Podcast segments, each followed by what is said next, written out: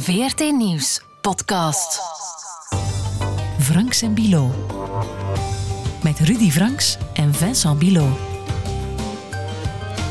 Zien we vandaag in Oekraïne een pijnlijke herhaling van de oorlogstactieken die Rusland ook al in Syrië toepaste?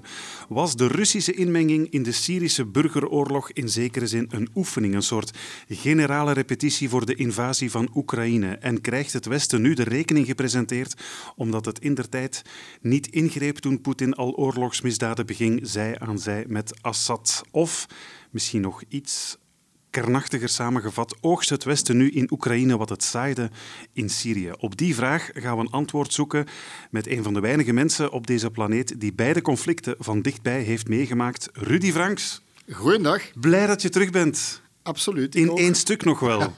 ja, ja, ja. Oh, ik ben zo gerustgesteld. Ja, ik heb, goed ik heb Mooi. elke dag met een bang hartje naar het journaal zitten kijken, Rudy. Ja, ja, ja, maar ja. Was het spannend? Toch wel, toch Ja. wel. Op de, bij momenten wel. Het was, het was eh, voorzichtig beginnen en dan zo aftasten hoe ver je kan gaan. En uiteindelijk in, in het oosten, aan het oostelijk front, bij, bij Rusland in Kharkov, dat was dag en nacht eh, bombardementen. Dag Ja. en nacht. Want je hebt inderdaad het hele land doorkruist, hè, van Lviv in het westen tegen de grens met Polen tot eh, Kharkov in het oosten, vlakbij eigenlijk bijna de, de, de Russische grens. We hadden met een eigen wagen van de VRT beeldje in om toch maar vervoerd te hebben. En ik op de teller kunnen zien, we hebben bijna 4000 kilometer afgelegd. Amai, en dat met de brandstofprijzen van nu? Ja, ja. Duur, duur affaire. We hadden een voorraad in jerrycans gekocht toen ze nog net iets goedkoper stonden. Hè. In het begin van de oorlog. Ja, toen nog wel. Ja. Maar wat is, wat is je het meeste bijgebleven? Als je zo één moment er zou moeten uithalen, dat ga ik niet vergeten. De mensen, twee, als ik mag zeggen. Twee, die, die mensen die in de metro, want het gaat mij altijd over de, wat mensen overkomt in oorlog. Die mensen die daar met, met duizenden in de metro's van eh Kharkiv ehm, schuilen. Ik heb die Wekenlang. gezien. Ja. Dat is hartverscheurend. Dat is een ondergrondse stad eigenlijk, En was het ondergrondse, geworden. ondergrondse steden geworden. Hè. Maar dan toch vooral die eerste die met de wagen ontsnapt zijn aan Mariupol, die de nachtmerrie van deze oorlog, zoals nu, of de schandvlek, zeg maar. Die daar buiten kwamen, daartoe kwamen op een, na de laatste checkpoint met van die grote wegversperringen en, en veilig vanaf dan, voorlopig dan toch, Mhm. die uitstappen en die beginnen te wenen en, en onbedaarlijk een vrouw, een jonge vrouw, die een half uur lang onbedaarlijk begint te snikken en te roepen en te... Vreselijk. Echt wel, door merg en been. Mhm. Vaststelling op dit moment is dat eh, de verhoopte blitzkrieg van, eh, van, van Poetin ja, dat die mislukt is. Dat kunnen we wel vaststellen. Hij had gehoopt om op enkele dagen tijd Kiev in te nemen, een regimewissel door te voeren, maar dus die snelle militaire operatie, zoals hij ze graag noemt, ja, die is eigenlijk uitgemond in een totale oorlog hè, met, met massaal veel menselijke verliezen aan beide kanten en een Russisch leger dat op veel meer weerstand is gestoten ook dan het eh, had verwacht. Hè. Zou, zou Poetin, dat wordt nu al maar luider gefluisterd, zou die echt zo slecht geïnformeerd zijn geweest dat hij werkelijk dacht dat de Russische troepen in Oekraïne zouden ingehaald worden als bevrijders? Ik denk, ik denk dat dat een fenomeen is dat je, dat je vaak ziet bij heersers die te lang alleen in de ijle lucht aan de macht zijn en dus omringd worden door ja-knikkers of door mensen die ze nog vertrouwen, die hun ook niet meer durven zeggen waar het echt op staat. Want ja, dat kan gevaarlijk zijn. En in dit geval dus slechte informatie kregen. Ehm, je ziet dat ook maar ja, dat is speculatie. We zitten bijna terug in de Sovjet-tijd van de jaren tachtig, dat je moest zien wie naast wie stond op het balkon bij de grote parade en wie verdwenen was uit de geschiedenisboekjes. hè. Ja, ja. Nu zie je van wie zat er nog bij zijn veiligheidsraad in het begin van het conflict, wie zit er nu nog mee aan tafel, wie zit er nu nog, je her- je herkent nog die beelden van de ja-knikkende Ja. mensen. En wie zit er echt en wie is er ingemonteerd? Want dat is ook Bijvoorbeeld, dus de je, vraag je begint heel die speculatie te krijgen van de baas van bepaalde inlichtingendiensten, van de militaire inlichtingendienst, de baas, de stafchef van het leger, is die er nog? Ja, je krijgt dan het verhaal vanuit het Kremlin, ja, maar die, die man heeft wel andere dingen aan zijn hoofd, namelijk oorlog voeren, dan hier Nee, de militaire operatie eh, Ah ja, leiden. pardon, de Ja. militaire operatie leiden wel. Je begint toch dat gevoel te krijgen dat ze zich sowieso zwaar miskeken hebben. Wat je wel, wat dit ondersteunt, is het feit dat zij benzine en voedsel hadden, soldaten, bij hun militaire operatie, voor drie dagen tot vier dagen. Drie tot vier dagen. En dan was het op. Dat zegt veel, hè? En toen zijn, is het ook beginnen keren, trouwens. Dat zegt veel. Ja, absoluut. Maar het, eh, het offensief stokt. En de vaststelling is ook dat eh, Poetin naar al maar eh, ja, ehm, driester middelen aan het grijpen is. Hè. En daar willen we nu in deze podcast misschien eens de vergelijking maken, of wil jij graag eens de vergelijking maken met wat, wat Poetin eigenlijk ja, al, al hiervoor heeft aangericht in, uh, in Syrië eigenlijk, als bondgenoot van Assad. Welke Ja. parallellen zie jij eigenlijk? Hij heeft het militaire draaiboek gevolgd van, veronderstel ik, het Russische leger. Want ze hebben dat in Tsjetsjenië, in Grozny, maar dat is voor ons een minder bekende oorlog. Ja, maar begin hij op- daar eens mee inderdaad, want dat, dat, dat is eigenlijk zijn eerste grote Ja, militaire operatie dan, Zo hè, van twintig jaar hij- geleden dat heeft hij Toen hij nog Grozny eerste minister was onder, eh, onder Ja, Yeltsin. Hè? Juist, Ja. dan heeft hij de, mm, de rebellen van de Tsjetsjense rebellen, Grozny, omsingeld en platgegooid. Dat was op dat ogenblik, denk ik, de meest vernielde stad op de planeet. Dat was het resultaat van twee jaar die tactieken toe te passen. Daarna, iets wat dichter in ons geheugen is, wat we nauwer hebben kunnen, op de, kunnen volgen van dichtbij, is wat hij, wat hij toegepast heeft op Ghouta, in, eh, een, een voorstad van Damascus in, in Syrië, maar vooral Aleppo als symbool. Herinner u, jarenlang was Aleppo voor ons ook het symbool. Die stad in Syrië, die grote stad, belegerd, omsingeld. En als je dan zelfs de kaart erbij pakt, dan zie je hetzelfde gebeuren wat nu in Mariupol is. Namelijk wijk na wijk afsnijden, isoleren, plat bombarderen, zodat mensen of dood of murw zijn en weggaan. Hetzelfde scenario nu afsnijden, platgooien. Steeds nauwer dat die olievlek van die stad die vrij is, Mhm. kleiner en kleiner wordt. Dan een andere perfiet onderdeel ervan is, ehm, je treft ook een kliniek. Je treft nutsinstellingen. Je snijdt het water af, je snijdt de elektriciteit af. Je bombardeert een theater waar in grote letters op de grond gekalkt stond: hier zijn kinderen aanwezig. Ja, Ja. Mariupol. Dus je, er wordt niks ontzien. Bij gevolg, men is nooit ergens, nergens is men nog veilig. Dat is, dat is deel 2 van het scenario. Deel 3 van het scenario is je biedt aan, je mag weg, je kan weg, je krijgt een corridor, zoals dat heet. Mhm. Je hebt die beelden misschien ook nog in je geheugen geprent van in Syrië, die nachtelijk die bussen die gevuld werden met mensen die weg mochten. Ja. Na verloop van tijd kon dat ook. Naar een zone die zij wilden, de Russen en de Syriërs, eh, het, regime van Assad. Mhm.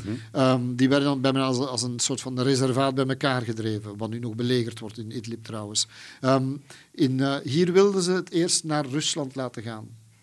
Want uiteindelijk, daar is het een Poetin. Dat is, ik denk dat dat hier propaganda meer meespeelt, of zijn ideologie, namelijk de Russisch sprekende bevolking bevrijden. In zijn hoofd zijn dit dus etnische Russen, de mensen die hij gaat bevrijden. Ja, maar Ja. je zou ook kunnen zeggen, op een bepaalde manier worden ze ook krijgsgevangen genomen eigenlijk, een beetje in Rusland. Omdat ze het Ja. zelf zo aanvoelen. Maar in zijn hoofd, en dan zitten we terug bij het begin, namelijk zoals hij deze oorlog heeft, heeft gepercipieerd of, of, of eh, heeft bekeken, is, is dat eigenlijk een bevrijding.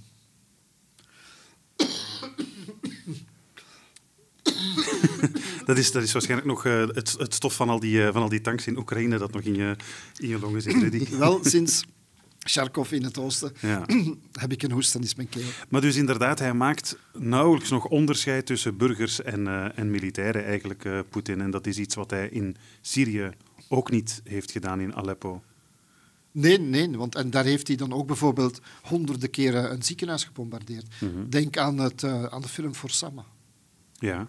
Een verscheurende film van een vrouw die met haar man dokter heel die jarenlang die oorlog gedocumenteerd heeft van in de kelders van dat ziekenhuis. Dus hetzelfde krijg je nu in Mariupol. Denk aan die kraamkliniek die gebombardeerd is, die vrouw die zwanger is, die weggevoerd is. Wat je ook krijgt, opnieuw hetzelfde scenario, is de propaganda er rond. Telkens opnieuw worden de slachtoffers ja, zelf de schuld gegeven. Alsof zij dat ofwel laten zelf ontploffen hebben, zoals in Mariupol. Dat zou dan die extreemrechtse brigade zijn geweest die dat theater hebben laten ontploffen. En of dat er geen kliniek Ja. was, enzovoort. Ja. Dus de slachtoffers zelf worden op die manier. Geculpabiliseerd eigenlijk, ja. ja. En dan, ja, deel 5 van, dat, van datzelfde handboek is natuurlijk chemische wapens. Op bepaalde momenten hebben ze, zijn ze dat gaan toepassen in, eh in Ghouta, later in Khan Sheikhoun en dan in Douma. Rusland heeft die zelf niet gegooid. Ja, dat is als- het regime van Assad. Weten we zeker dat die altijd door het regime Assad zijn eh, gebruikt? Ja, zij hebben die gegooid. Daar is vanuit helikopters bepaalde manieren van hoe dat ze die, ja, van waar ze kwamen, welke faciliteiten en hoe ze het toegepast zijn. Maar met medeweten van de Russen, denk? Wel, er zijn, want we zijn met een documentaire erover bezig, ehm, om dat te reconstrueren. Er zijn getuigen over, of mensen die dat beweren, dat er bij die commandocentra, waar dat telkens gemonitord werd, gevolgd werd en, en de bevelen gegeven werden, dat er telkens een hoge Russische officier bij was. Ah, ja. Dus de Russen, volgens die mensen, wisten daarvan. En hebben dat op de voet gevolgd hoe het verlopen is. Ja. Rusland is vanaf 2015 daadwerkelijk in de oorlog in Syrië gestapt om mee te doen. Je kan zeggen dat de eerste grote chemische aanval in Ghouta alleen nog een initiatief was van het leger van Assad dat de Russen in snelheid gepakt heeft, want dat vonden ze vervelend dat dat bekend werd enzovoort. Ja. En ze hebben het eerst nog proberen te ontkennen, maar uiteindelijk was het niet meer te ontkennen. Zij hebben meegewerkt aan het ontruimen en ontmantelen van die chemische wapens van Assad. Maar ook alweer daar zijn er leugens en propaganda rond verteld. Men is dan die OPCW, die, die inspecteurs gaan ter plekke sturen. Ja, dat is dat con- controleagentschap voor chemische Ja, wapens. die dan de Nobelprijs later Ja. gekregen hebben. Maar 27 maar van de 29 of 30 faciliteiten bleek daarna zijn aangegeven. Zij hadden alleen maar een mandaat van Veiligheidsraad met Rusland in om wat gedeclareerd is, aangegeven is, te ontmantelen. Ja. Zij wisten, ik heb die inspecteurs gesproken daarna, onlangs pas, zij wisten dat er nog plekken waren waar er wel lagen. Alleen moesten ze zwijgen, want dat was niet het mandaat. Ja. En de Russen wisten dat bij gevolg ook. Toen Rusland in de oorlog was, 2017, 2016, 17 enzovoort, gaan Sheikhun, Douma zijn er opnieuw chemische wapens gebruikt. Dus zij hebben dat kunnen volgen op de eerste plaats. Wat maakt nu al dat dit de laatste, laten we zeggen, het hopelijk laatste hoofdstuk van dat draaiboek van vernietigingsoorlog is? Namelijk dat zo'n... Mensen zitten in de metro. Ik vertelde dat de metro het meest ja, pakkende... Dat die mensen ondergronds moeten leven. Week na week na week om te overleven met hun kinderen. Ze komen niet meer boven bijna. Wat doen chemische wapens? Die ontploffen.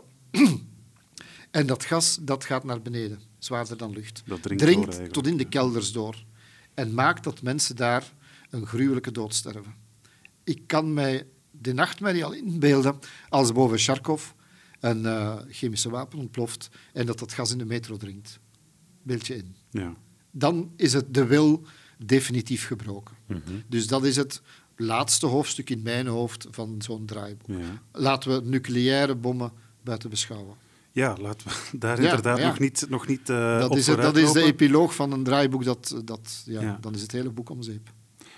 Nu, dat ze ervaring hebben met, eh, met chemische wapens, met gif, dat weten we. Denk maar aan Navalny, denk maar aan Skripal en wie ze nog allemaal Maar dat waren, vergiftigd. dat waren mensen die ze dan Ja, vergiftigd hebben. maar hebben ze die ook echt op grote schaal, chemische wapens? Weet, weten we daar iets van? In principe hebben zij ook eh, die akkoorden ondertekend en zouden ze die dus niet hebben. Hè? Maar men gaat ervan uit dat ze dat wel hebben. Ja, Waarom zouden ze over al de rest liegen en hier niet over liegen? nee, dat is waar. Nu, ik steek mijn hand voor geen enkele supermacht in het vuur of ze Ja. Die akkoorden volgen. Nee, op dit moment eh, is natuurlijk ook een, eh, ja, een, een, een oorlog waar het, eh, het Westen zich altijd wel tegen uitspreekt, maar niet ingrijpt, niet durft ingrijpen, omdat we natuurlijk allemaal weten wat de mogelijke consequenties zijn. Maar ja, hoe zouden chemische wapens dat kunnen veranderen? Herinner ons inderdaad hoe eh, Obama in der tijd van chemische wapens in eh, Syrië een rode lijn had gemaakt. Uh, we have communicated in no uncertain terms with every player in the region that that's a red line for us and that there would be enormous consequences if we start seeing movement on the chemical weapons front uh, or the use of chemical weapons. That would, uh, that would change my calculations uh, significantly. Ja, Ja, maar- de rode lijn, een beroemde, een beroemde frase. Ja. Ik heb eh, een paar maanden geleden met de adviseur van Obama gesproken, die erbij was op- met die rode lijn. Die de case moest maken of onderzoeken van kunnen we nu ingrijpen nadat die chemische wapens gebruikt zijn. Eh, ben Rhodes heet die trouwens. Mhm. Ehm, en die begint het zo de bocht te nemen van ja, dat is een beetje een slip of de tong geweest van Obama. Denk Ah ja, zoals Zo van- Biden er nu ook al een paar ja, heeft zo in de eh, zin ja, van, gemaakt. dat, is een, dat verandert alles. Op dat moment hadden ze de keuze van gaan we dan ingrijpen of niet. Ieder, heel de wereld ver- verwachtte dat er zou ingegrepen worden. ja. Er is niet ingegrepen, maar er is dat akkoord gekomen. Het leek ehm, productiever te zijn of veiliger voor heel de wereld en voor de Syriërs om zoveel mogelijk chemische wapens te kunnen vernietigen dan dan in te grijpen. Zelfs beseffende dat het allicht niet helemaal zo zou zijn. Herinner u, later, in 2016, 17, is er in Gan Sheikhun opnieuw gebruikt. Ondanks het feit dat ze zouden vernietigd zijn. Ja. We hebben het over sarin. Sarin, dat is dat ehm, chemisch wapen dat eh, via in je huid doordringt en dat je je zenuwstelsel aantast Ja. en je sterft een gruwelijke dood. Ja. Dat is opnieuw gebruikt. Trump heeft toen wel aangevallen. Is dat dan de oplossing? Dan zegt die adviseur van Obama, dat was voor de galerij. Wat ga je doen? En toen beseften ze, Obama heeft erover gesproken, laten we de landingsbanen van de vliegtuigen waar ze opgestegen zijn bombarderen. Laten we een hangaar bombarderen. En dan, zeiden ze, die landingsbaan, een week later is die hersteld. Wat heb je dan gedaan voor de galerij, voor, de, Mhm. voor de, het oog van de wereld iets gedaan, maar eigenlijk ook niks. En dat is het verwijt aan de- het ingrijpen van Trump geweest. Uiteindelijk heeft het ook niks veranderd. Nee. En dus nu hè, is de vraag daarom opnieuw gesteld van een rode lijn met als ze zouden, zou dit alles veranderen. De Amerikanen, als je goed volgt, hebben daar niet meer willen op reageren. Nee. Ze hebben het anders gezegd. Ze hebben gezegd van dit zou dingen veranderen en we zullen appropriate reageren. Ja, we zullen proportioneel... En eh, aangepast, reageren. alleen houden ze de kaarten die ze dan gaan op tafel gooien in hun zak. Het verschil is natuurlijk ook ehm, tussen Syrië en Rusland. We spreken nu natuurlijk ook, ik zal het woord toch nog maar eens gebruiken, over een kernmacht. Hè? Voilà, want ja, zeer zeker.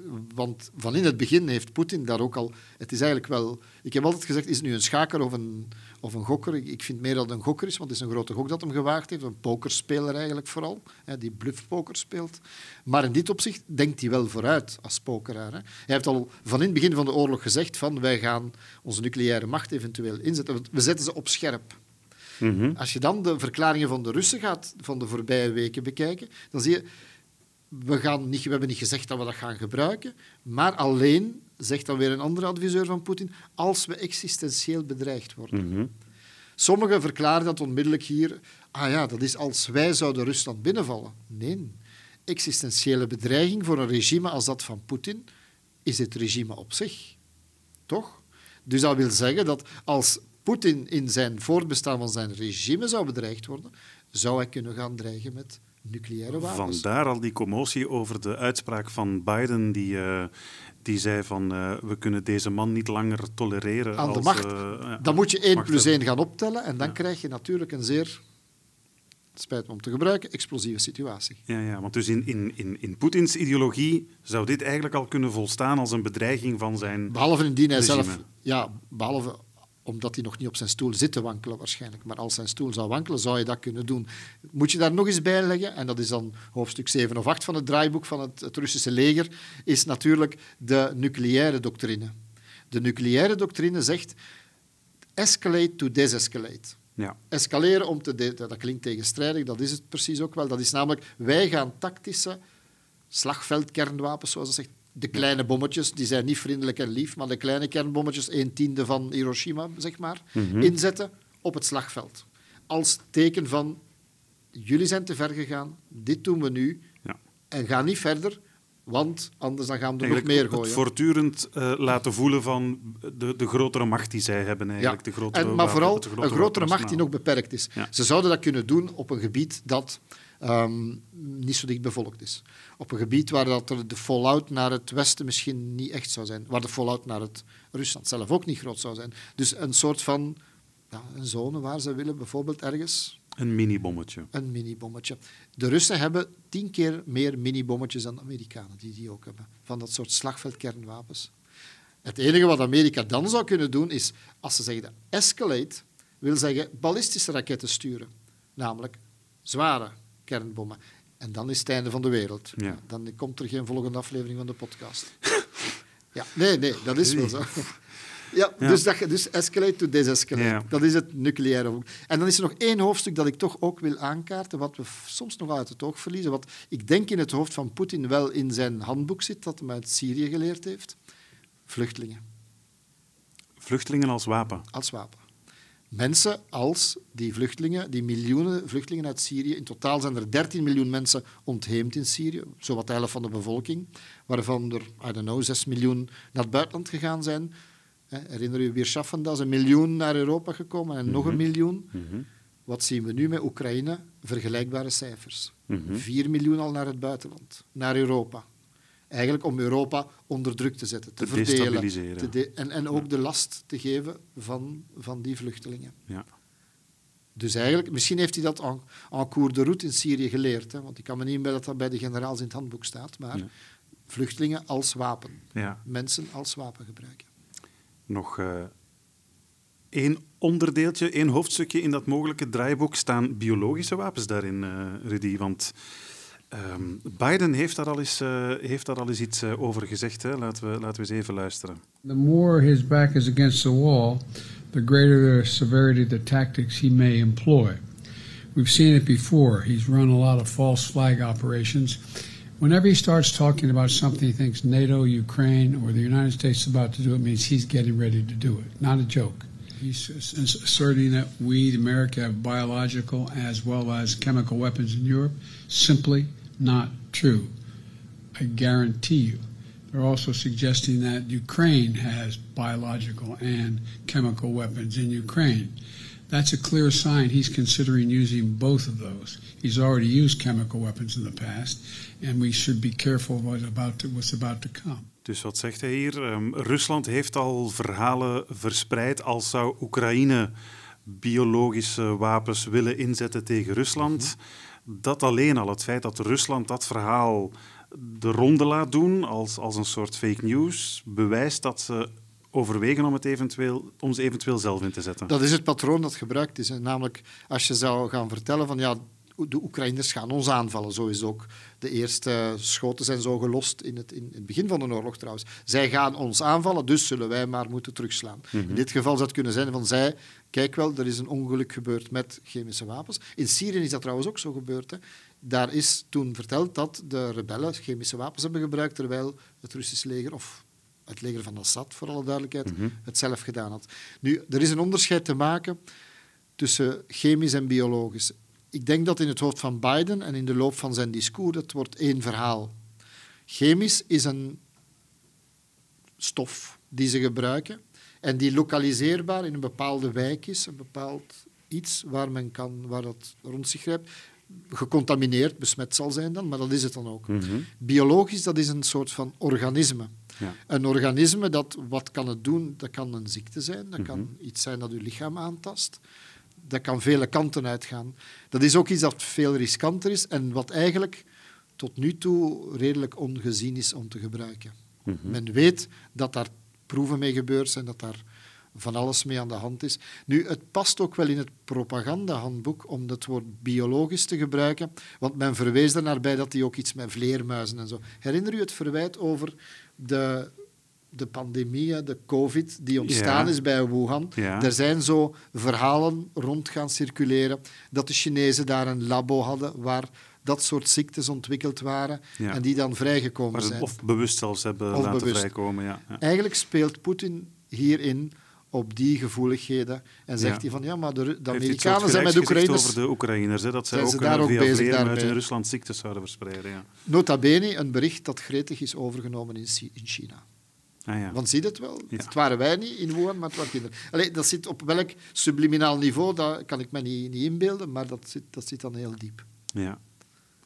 En hoe uh, ja, oorlogsvoering toch uh, ook een, uh, een kwestie is van de een die het van de ander leert. Ja, en dan vooral, ze hebben het niet nodig, hè, de Russen. Als ik daar nog mag aan toevoegen. Ze hebben, als je nu hoort, het arsenaal van die, die thermische bommen die alle lucht wegzuigen binnen een schaal van 300 meter, een hele wijk, mhm. hè, in twee golven. Je hebt mhm. explosie, dan heb je de lucht wordt weggezogen. Allee, je krijgt deeltjes petroleum of hoogst explosief ding in de lucht. En dan krijg je een tweede golf die alle leven vernietigt. Ja, je hebt geen sarin nodig om een gebouw met 300 meter in, in, de, in de omtrek kapot te gooien. Hè. Nee, en enfin, alleen nog maar het, het, militaire budget van Rusland is tien keer groter dan dat van Oekraïne. Ze hebben tien keer zoveel gevechtsvliegtuigen, drie keer zoveel artillerie. Maar het zegt ook heel veel over uh, ja, hoe moedig die Oekraïners wel terugvechten. Dat heb jij ook gemerkt in, uh, in Oekraïne. Hè? Ze zijn niet van plan om ook maar uh, één vierkante centimeter grondgebied af te geven. Hè? Nee, wat mij vooral opvalt, een belang, je hebt, belangrijk onderdeel van oorlogsvoering is, dat zijn zo van die formules. Hè. Je hebt de middelen enzovoort, je hebt het, waar het zich afspeelt, daar zijn de Oekraïners in het voordeel, maar ja, de, de Russen hebben tien keer zoveel wapens. Maar je hebt ook de wil, de wil om je te verzetten, de wil om te vechten. Als je ziet hoeveel verhalen er zijn over Russische soldaten die niet, op, die niet wisten waar ze naartoe trokken, waarom ze naar daar gingen, die zich overgeven omdat ze maar voor drie dagen eten bij hadden, bijvoorbeeld, die, die eigenlijk niet, die, die niet diezelfde wil om te vechten hebben. Als ik die soldaten in het ziekenhuis zag liggen, die daar geopereerd worden, hè, met tientallen, die stukken uit hun benen en zo, van alles, die eigenlijk maar één, en ik kan me inbeelden dat dat onder de invloed van tramadol als pijnstiller is, die dat onder invloed van de de adrenaline of whatever, die terug willen. Dat je denkt van, alstublieft, ik zou in de verste verte niet aan denken en toch, wij gaan door. Dus die wil, dat is hetgeen dat Poetin vooral onderschat heeft, denk ik. Ja. Rudy, um, hou het veilig als je weer eh, naar het front geroepen wordt in ieder geval. Ja. En toch, ik ben niet zeker, dat hij kan nog winnen, hè, Poetin. Beeld u in. Hij kan nog winnen. Hè. Hij kan langzaamaan op, met zijn uitputtingsoorlog, want we zijn nog maar een maand ver. Syrië, dat heeft hij vijf jaar, zes jaar over gedaan. Hmm. Tsjetsjenië heeft hij twee jaar gedaan. Hè. Die man denkt op andere termijnen en heeft de middelen misschien om te doen. Wij zeggen nu over 15.000, 10, 15.000 soldaten dood van Russen, Russische soldaten. 30.000 gewond. Op dit ogenblik zou dat een kwart ongeveer zijn van de invasiemacht die hij klaar had staan. Dat wil zeggen dat die bataljons... is al weg. Is... Ja, zou niet meer operationeel zijn. Dus je moet die aanvullen met nieuwe krachten. Je moet de troepen herpositioneren. Vandaar dat het nu even minder was, hè, van oorlog voeren. Mhm. Je moet die opnieuw bevoorraden. Maar ik kan blijven gaan. Hè. Ik denk dat Stalin was die ooit zei, en ik vermoed dat Poetin wel een boontje heeft voor Stalin, dat Stalin was die zei, 100 slachtoffers, 1000 slachtoffers, dat, is, dat zijn slachtoffers. Als we het over meer hebben, dan zijn het gewoon statistieken. Ja. Het is een, eh, een harde oorlog en we zullen afwachten hoe lang het nog duurt. Um, in ieder geval, uh, we hebben toch weer bijgeleerd uh, hoe Poetin te werk gaat en inderdaad bijna een soort copy-paste van Syrië aan het, uh, aan het uitvoeren is. Hè. En misschien de ultieme les is, toen hebben we weggekeken. Hadden we dat niet gedaan, dan zou de wereld er nu misschien anders uitgezien hebben. Want dan zou er een les geleerd zijn voor Oekraïne. Franks en. Voor we afronden, Rudy, ga ik nog een van onze luisteraars gelukkig maken. In onze vorige podcast hadden we Mohamed Amin Shaib te gast. Weet je nog? Over zijn boek uh, Aanslag op het Hart. Daarvan mochten we een exemplaar weggeven. En onze stagiair Antoon heeft uh, uit alle inzendingen er met zijn onschuldige hand eentje uitgehaald. En dat bleek die van een naamgenoot van uh, Mohamed Amin te zijn, namelijk Amin Semake. Semakie, denk ik. Semakie. Als hij het maar hoort. Dat is ja, goed. Prima. Amin. Ja. Amin het boek is naar jou onderweg. Veel leesplezier. En dan, Rudy, eh, geven we nog graag een kijktip mee. Want uh, op Canvas is een nieuwe reeks reportages te zien van, uh, van Rudy's Nomade. Uiteraard ook allemaal te bekijken op 14 nu. Deze week een reportage van Anneleen Ophof over de Native Americans, de, de zogenoemde Indianen in Amerika. En hoe ze in de 19e en 20e eeuw behandeld zijn door de Amerikaanse overheid onder meer, ik ga het Anneleen zelf laten uitleggen, onder meer door inheemse kinderen systematisch op te sluiten in uh, internaten. Tot de jaren 70 werden heel veel inheems-Amerikaanse kinderen naar internaten gestuurd, waar zij gedwongen werden om hun taal, hun cultuur en hun tradities achter zich te laten. En de reportage gaat eigenlijk op stap met verschillende generaties om te kijken hoe zij vandaag met dat intergenerationeel trauma omgaan interessante documentaire en ze heeft hem uh, ook, Rudy, uh, zo goed als helemaal alleen gemaakt. Heel de wereld mag het weten, ik wil dit nooit meer helemaal alleen doen. Um, ik denk dat uh, reizen, dus al het autorijden, dat was vaak negen uur aan een stuk. Plus het daarna filmen, klank doen, maar vooral ook echt het, het zorgen dat iedereen zich op zijn gemak voelt. Um, en zorgen dat je een goede band hebt met de gemeenschap daar, maar ook weet wat dat zij in het verhaal willen, wat ze niet in het verhaal willen. Dat maakt wel voor een hele zware combinatie. Um, natuurlijk zitten we dan ook nog in COVID-tijden. Heel veel plannen die werden gewijzigd, die werden geannuleerd. Um, tegelijkertijd denk ik ook wel dat dat heel veel vrijheid heeft gegeven. Heel veel vrijheid dat Rudy niet over haar schouder meekijkt de hele tijd, denk ik dat ze hier probeert te zeggen. Ja, dat denk ik ook, want Anneleen heeft jaren bij ons gewerkt. En ze wou haar vleugels uitslaan en het warme nest verlaten. Ja, voilà, that's, that's, That's the world Zo out gaat- there. zo gaat dat in de maar ze, ze doet het prima. Het is een fantastisch mooie reportage. Voilà, te bekijken op eh, Canvas als je hem eh, eh, op dag 1 aan het beluisteren bent, onze podcast. En anders vind je hem natuurlijk ook op VRT Nu. Franks en Bilo. Neem zeker eens een kijkje in onze Facebookgroep, Franks en Bilo. Daar kan je ongezouten, maar eh, flink gepeperde meningen achterlaten over onze podcast. Maar je kunt natuurlijk ook onderwerpen voorstellen die we dan misschien wel in onze volgende podcast behandelen over twee weken. Of een review in uw podcast-app steken.